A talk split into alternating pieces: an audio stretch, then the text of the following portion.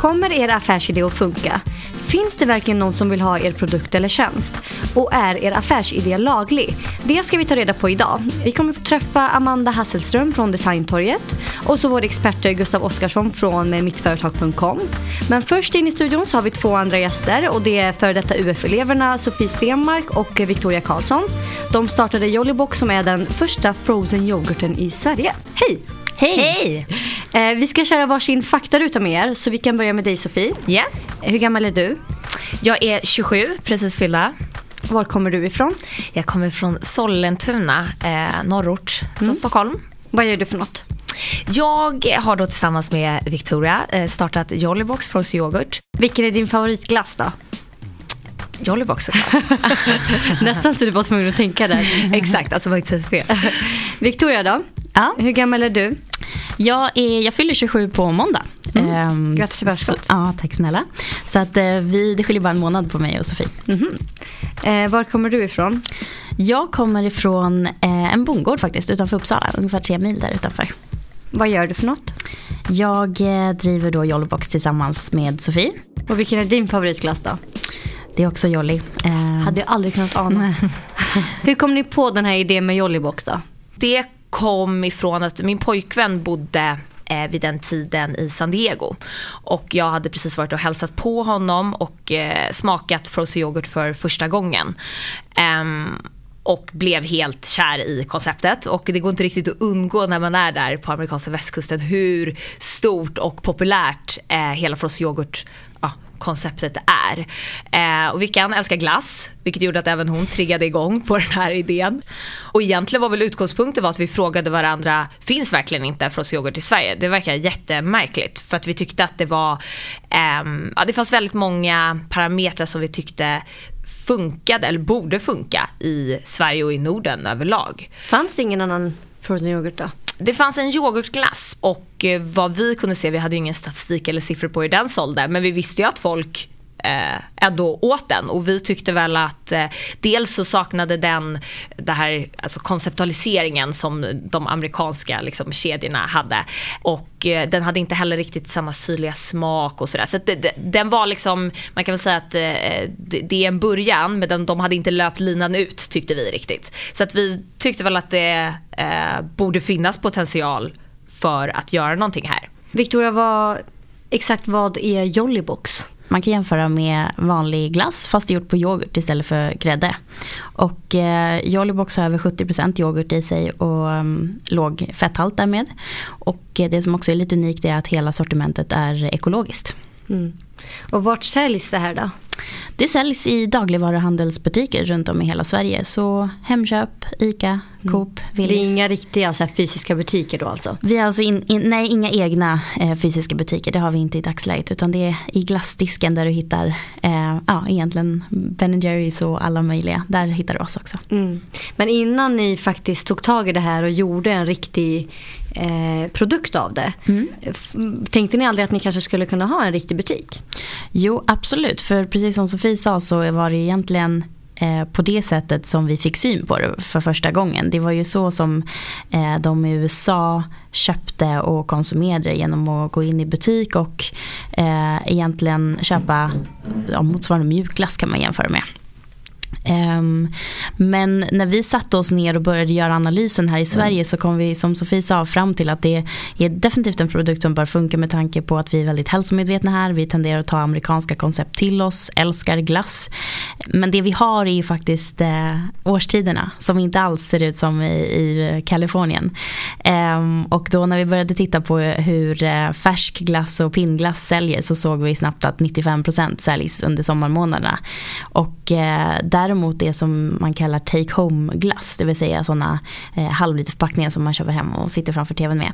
Där är jättejämn fördelning, där är det 60% på sommaren och resten eh, under övriga året. Det är nästan samma. Mm, det är nästan lika. Så att då, um, då sa vi att det där borde absolut funka i Sverige och ha en frozen yoghurt i en liksom, ta med sig hem förpackning. Um, ja, och någonstans där så, så mm, bestämde vi oss för, och just det, det ska man tillägga också att det handlar ju om kapital givetvis. Uh, det är ju någonting som ofta krävs när man startar bolag och um, beroende på hur mycket ehm, varor eller fysiska lokaler du behöver, det, det är ju helt beroende på vilken typ av bolag man har. Men i det här fallet så uh, om vi skulle ha startat egna butiker så hade det kostat otroligt mycket både i form av lokal, personal och så vidare. Och vi var väldigt eh, inställda redan från början på att så här, vi, vi ska nå långt med Jollybox. Och det betyder att vi kan inte bara starta upp en butik utan inom några år ska vi ha hundra. Och när vi började räkna på det insåg vi att våra sparpengar kanske inte riktigt skulle hålla eh, för att starta upp de här hundra butikerna. Så det var också en sån faktor, pengafaktorn utöver liksom själva marknadsanalysen som gjorde att det faktiskt blev de här take home förpackningarna vi gjorde, jag måste säga att vi, vi hade en otroligt ambitiös affärsplan ska jag säga. Och eh, där vi egentligen då gjorde väldigt mycket research. Dels eh, marknadsmässigt, alltså vi tittade på eh, USA, hur har det sett ut där eh, och kunde konstatera att det har ju fullkomligt boomat eh, där. Och när vi tittade på Europa så var det ja, England och Storbritannien då som var ehm, främst inom Europa och där eh, var tillväxttakten jättehög också. Och även nere i södra Europa började det ploppa upp liksom från yoghurtkedjor och sådär. Så man kan väl säga att där gjorde vi liksom en marknadsanalys, hur ser det ut i övriga världen? Så. Sen så hade vi det här med rådande trender överlag, passar den här produkten in i, eh, i hur vi vill leva idag? Så. Och där eh, kan nog alla hålla med om att hälsotrenden är ju en jättefaktor. Eh, hur gör ni när ni tar fram eh, nya Jollybox-smaker? Sofie och jag har tittat på vad är det som händer på marknaden, vilka olika smaker inom till exempel bubbelvatten eller liknande. Eh, ja, men inom just matbranschen är det som växer fram och blir populära. Och så åker vi över till vår producent, eh, testar massa olika smaker och sen är det vi som sitter och gör final touch liksom, på, på de smaker vi väl väljer. Och ett typiskt sånt exempel Eh, är väl också kokos som vi lanserade nu under eh, 2014 lanserade vi den. Och där tog vi även hjälp från våra sociala medier eh, där vi har fått ganska många följare nu i våra kanaler. Ehm, så utöver att titta på omvärldstrender så frågar vi även våra konsumenter väldigt mycket kring vad de vill ha. Och kokos var en sån som alla skrek rakt ut efter. Vi trodde att den skulle sälja bra i början eh, och sen att det kanske mattas av lite. Men den har faktiskt, eh, sen den lanserades har den varit vår toppsäljare fram till nu. Då när vinterperioden kommer är chokladen den som alltid står stark. Eh, men ja, både omvärldstrender och fråga konsumenterna när man väl är ute på marknaden. Jag blir jättenyfiken på hur mycket glass ni måste äta när ni testar det här. Massor. Vi sitter alltså i några dagar och bara äter och äter och så dricker man lite kaffe emellan för att neutralisera smaklökarna. Lyxigt jobb. Gustav Oskarsson, du är från mittföretag.com. Hur eh, testar man om en affärsidé håller? Jag skulle absolut, om jag inte hade kommit igång så skulle jag skriva ner de kanske 100 bästa affärsidéerna jag kan komma på. För det är väldigt lätt och jag känner ju själv att jag har ofta testat första idén jag kommit på och så har jag kört på med det och ibland har det gått väldigt bra tycker jag, ibland har det gått väldigt dåligt. Och jag skulle nog, om jag startade om, så skulle jag skriva ner de hundra bästa affärsidéerna jag kan komma på och sen välja ut den hundra första. För det tar lång tid att komma på idéer som funkar. Mm. Och det har ju alla som lyssnar en möjlighet att göra. Men vad då hundra första idén? Varför kan man inte bara ta den första? Du kan absolut ta den första, men ofta är det så att när du väl sitter och tänker på idéer så kommer det olika saker som är positiva i varje idé och sen tillsammans blir de ofta den absolut bästa idén. Så ofta kommer den bästa idén efter att du har tänkt ut de andra halvkassa idéerna. Mm -hmm. Så man får gå igenom lite dåliga idéer tills man kommer till det här guldkornet då? Absolut. Och ofta är det så att de tio första är ganska normala idéer. De 20 första kanske är hyfsat normala. Men sen kanske den 97 eller 100 första idén, det är då de här magiska idéerna kommer som du aldrig hade vågat tänka eller kunnat tänka när du hade tänkt vanliga idéer så att säga. Då kommer de här innovativa superidéerna på slutet? Absolut, oftast. Hur gammal är du? 32. Och var kommer du ifrån? Lidköping i Västergötland. Mm, vad gör du för något? Idag eh, driver jag ett antal bolag, mittföretag.com som också är Sveriges största företagarturné. Jag driver Academy of Excellence som är det kanske främsta tillväxtprogrammet i landet. Och vilken är din favoritklass då? Min favoritglass är nog 88 mm. och Jollybox förstås. Ja, precis. Jag säga, ingen press att säga Jollybox. Vilka verktyg finns det då för att kolla ifall en affärsidé håller? Ja, det finns ju alltid de klassiska marknadsundersökningarna och fokusgrupper och sådär men du får aldrig fram hela sanningen skulle jag säga. För säg att jag skulle sitta i en fokusgrupp och du skulle presentera en idé för mig. Då skulle jag säga vad jag tänker att jag skulle tycka om, om idén om jag sen skulle få köpa den. Man tar kanske tio människor som får säga vad de tycker om, eh, om en idé eller en tjänst eller produkt. Eh, men ofta säger man det man tänker att man skulle tycka om den, men det är inte hela sanningen. Så att ofta, speciellt nu i den här digitala tidsåldern när man kan testa mycket digitalt, så skulle min idé vara att skapa en hemsida, skapa en sajt där du testar att sälja någonting, en tjänst eller en produkt och se, beställer folk? Och beställer de, ja men då kanske du sätter igång produktionen av det. Och beställer de inte, nej men då inser du att idén inte funkar. Vad finns det, fler, eh, vad finns det för fler sätt att göra marknadsundersökningar på? Absolut, använda sociala medier såklart. Fråga är det här någonting som är intressant? Kan ni tänka er att köpa detta? Vad skulle ni vara beredda att betala? Och det blir ju som en enkätundersökning men, men skicka ut det via sociala medier så får du, så får du svar på en gång. Mm. Eh, det är väl absolut enklast. Men vad är det man ska fråga i en sån här då? Vad kan du tänka dig att betala för det här? Är det någonting du skulle vilja köpa? Eh, finns det här? Har du sett det här innan? Jag skulle också ställa frågan, är det någonting du har sett utomlands eller någon annanstans som du skulle vilja ta till Sverige? Där kan man få ganska många idéer på saker som man aldrig har tänkt på innan men som folk eh, ser ett behov av. Vi ska ha ett litet snabbquiz med dig där du ska få svara på om saker är okej att göra eller inte. Okay. Eh, det första eh, exemplet då är en person som undrar så här. Eh, jag har hittat märkeströjor utomlands och de är så mycket billigare än märkeströjorna här hemma. Eh, jag tänkte att jag kunde importera hit dem och tjäna massa pengar på att sälja här. Kan jag göra det? Jag skulle vara väldigt, väldigt försiktig med det. Eh, jag tänker mig att de stora varumärkena utomlands, de har ju återförsäljare i varje land, de har agenter i varje land de vill vara i. Och de säljer de här produkterna på ett visst sätt. Så att för att få sälja eh, tröjor eller byxor eller vad det nu kan vara så måste du ha tillstånd för det. Och har du inte det då, då ska du vara väldigt, väldigt försiktig. Så att kolla om det finns möjlighet att bli återförsäljare eller agent för ett visst märke.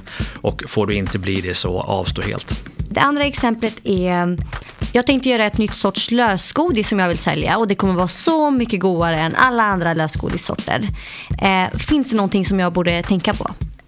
Så allmänt i alla branscher när du ska ta fram någonting så kolla upp väldigt noga om du måste ha ett tillstånd.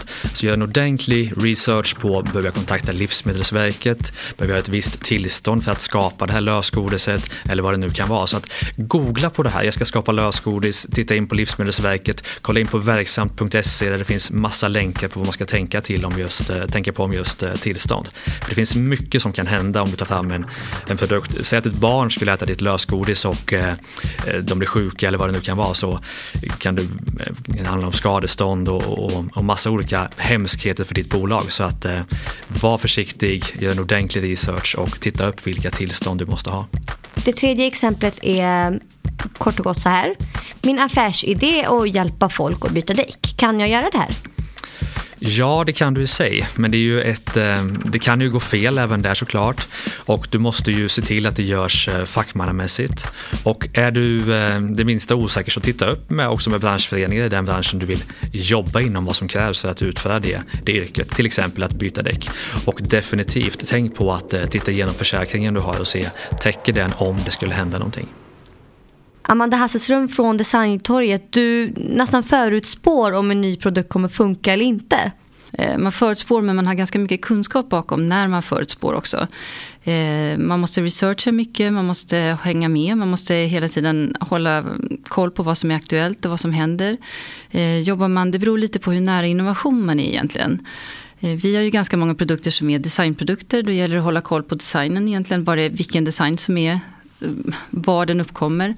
Eh, idag så är ju designbranschen ganska global och det är egentligen innovationsbranschen också.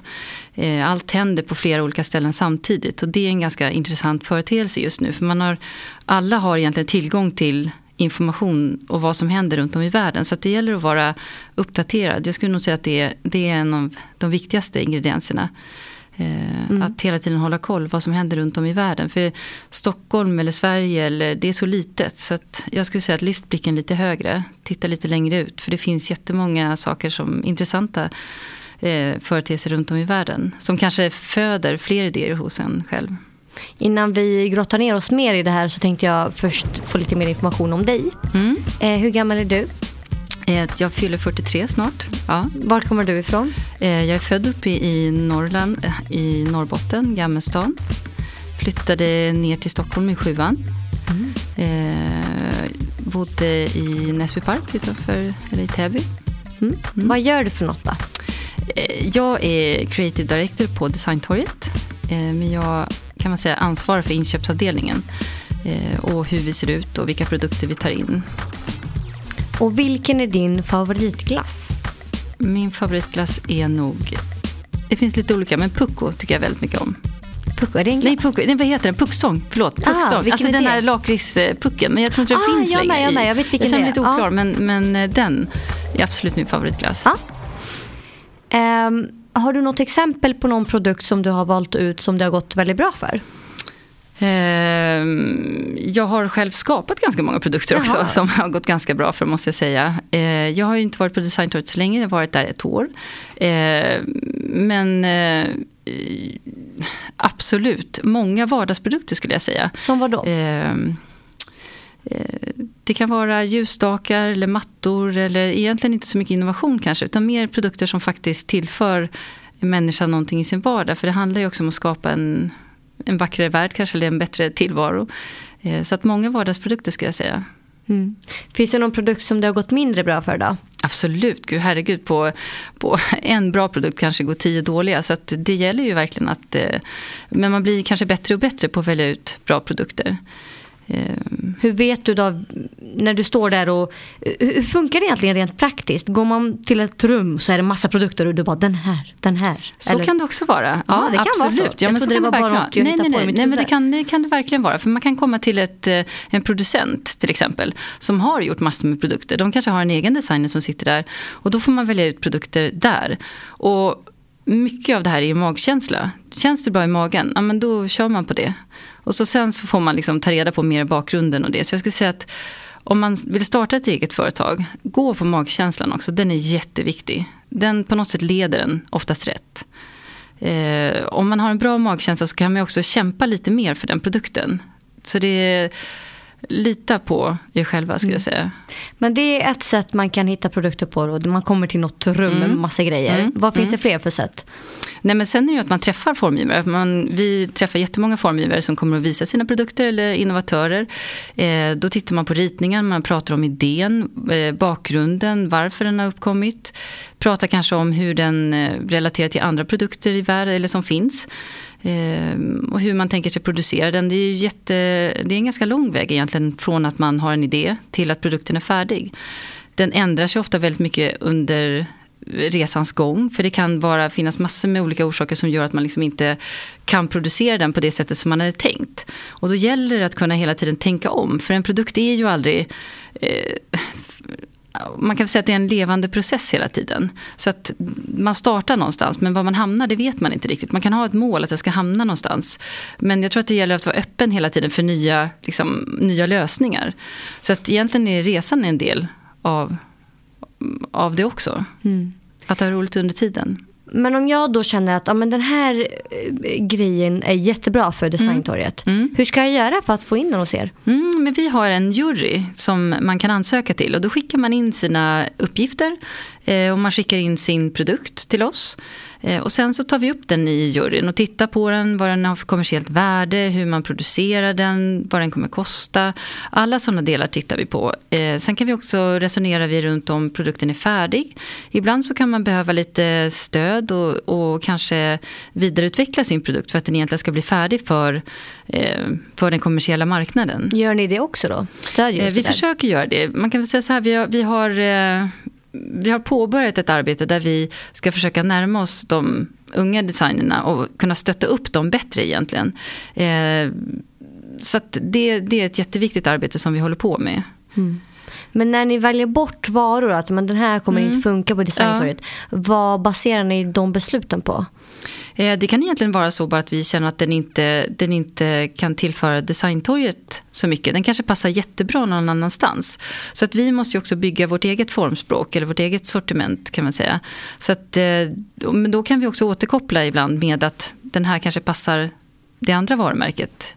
Så att, eh, eller så känner vi att det finns flera andra liknande produkter på marknaden.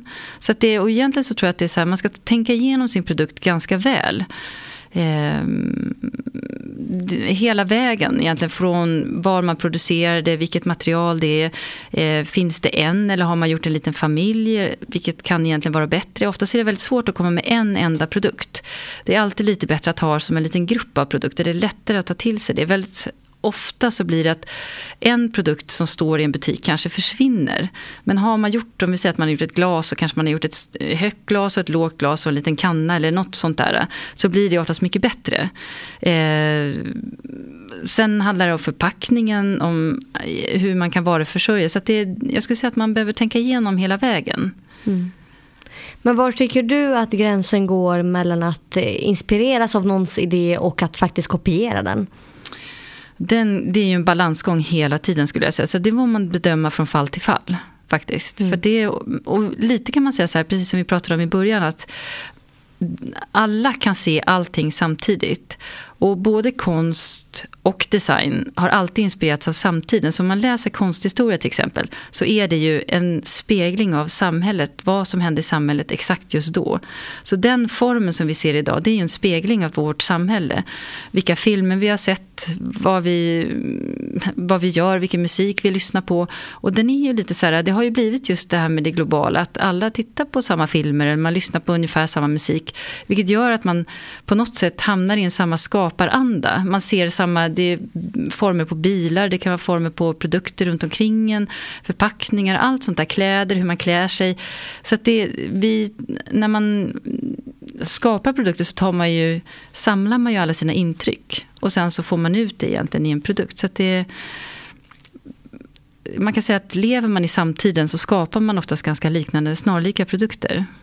Eller det i alla fall händer oftare. Det är ungefär som man ser en reklamfilm. Och så kan man se att men gud, det här andra varumärket har nästan samma reklamfilm. Och då är det att egentligen är man i filmbranschen så inspireras man kanske av några företeelser. Och så kommer man upp med ungefär samma idéer som lanseras samtidigt. Så är det. Vi ska sätta ihop en liten checklista också. Eh, Och då får ni säga varsin sak som ni tycker är viktig att tänka på när det gäller att ha en idé som faktiskt håller. Eh, Amanda, varsågod. Jag skulle säga så här, lyft blicken och tänk stort. Sverige är så litet. Din kund kanske inte finns här i Sverige överhuvudtaget. Utan se, upp, alltså se ut över världen.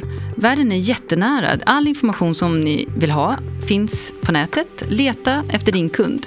Eh, Så tänk stort skulle jag säga. Gustav, vad tycker du är viktigt att tänka på? Jag tycker att när du ska starta ett bolag så välj ut, som jag sa innan, kanske de hundra bästa affärsidéerna du kan komma på. Och någonstans där kommer du hitta en briljant idé. För sitter du och tar den första idén du kommer på, den kommer vara lite halvdan, det kommer vara någon som har gjort det innan. Men när du kommer in på idé kanske 88 eller 102 eller vad det nu kan vara, där kommer du hitta någonting som är briljant. Så att skriv ner alla idéer du kan komma på. Då kommer du att hitta den bästa affärsidén. Eh, Victoria och Sofie från Jollybox, vad säger ni? Testa din eh, produkt eller tjänst i mindre skala och se om den säljer. Och därefter gå ut eh, i större om det visar sig att folk efterfrågar det. Om någonting går fel, när man gör, startar ett företag eller när man gör en produkt eller någonting. Herregud, det är bara kör på, gör fler. Det finns utrymme för många bra idéer.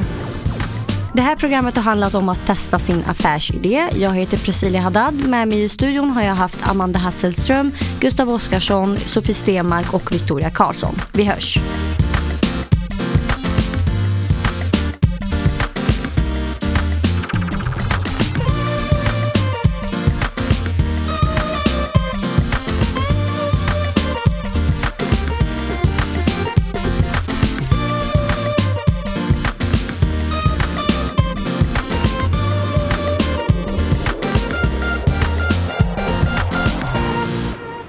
Företagsamhets poddradio Lex-podden produceras av Association.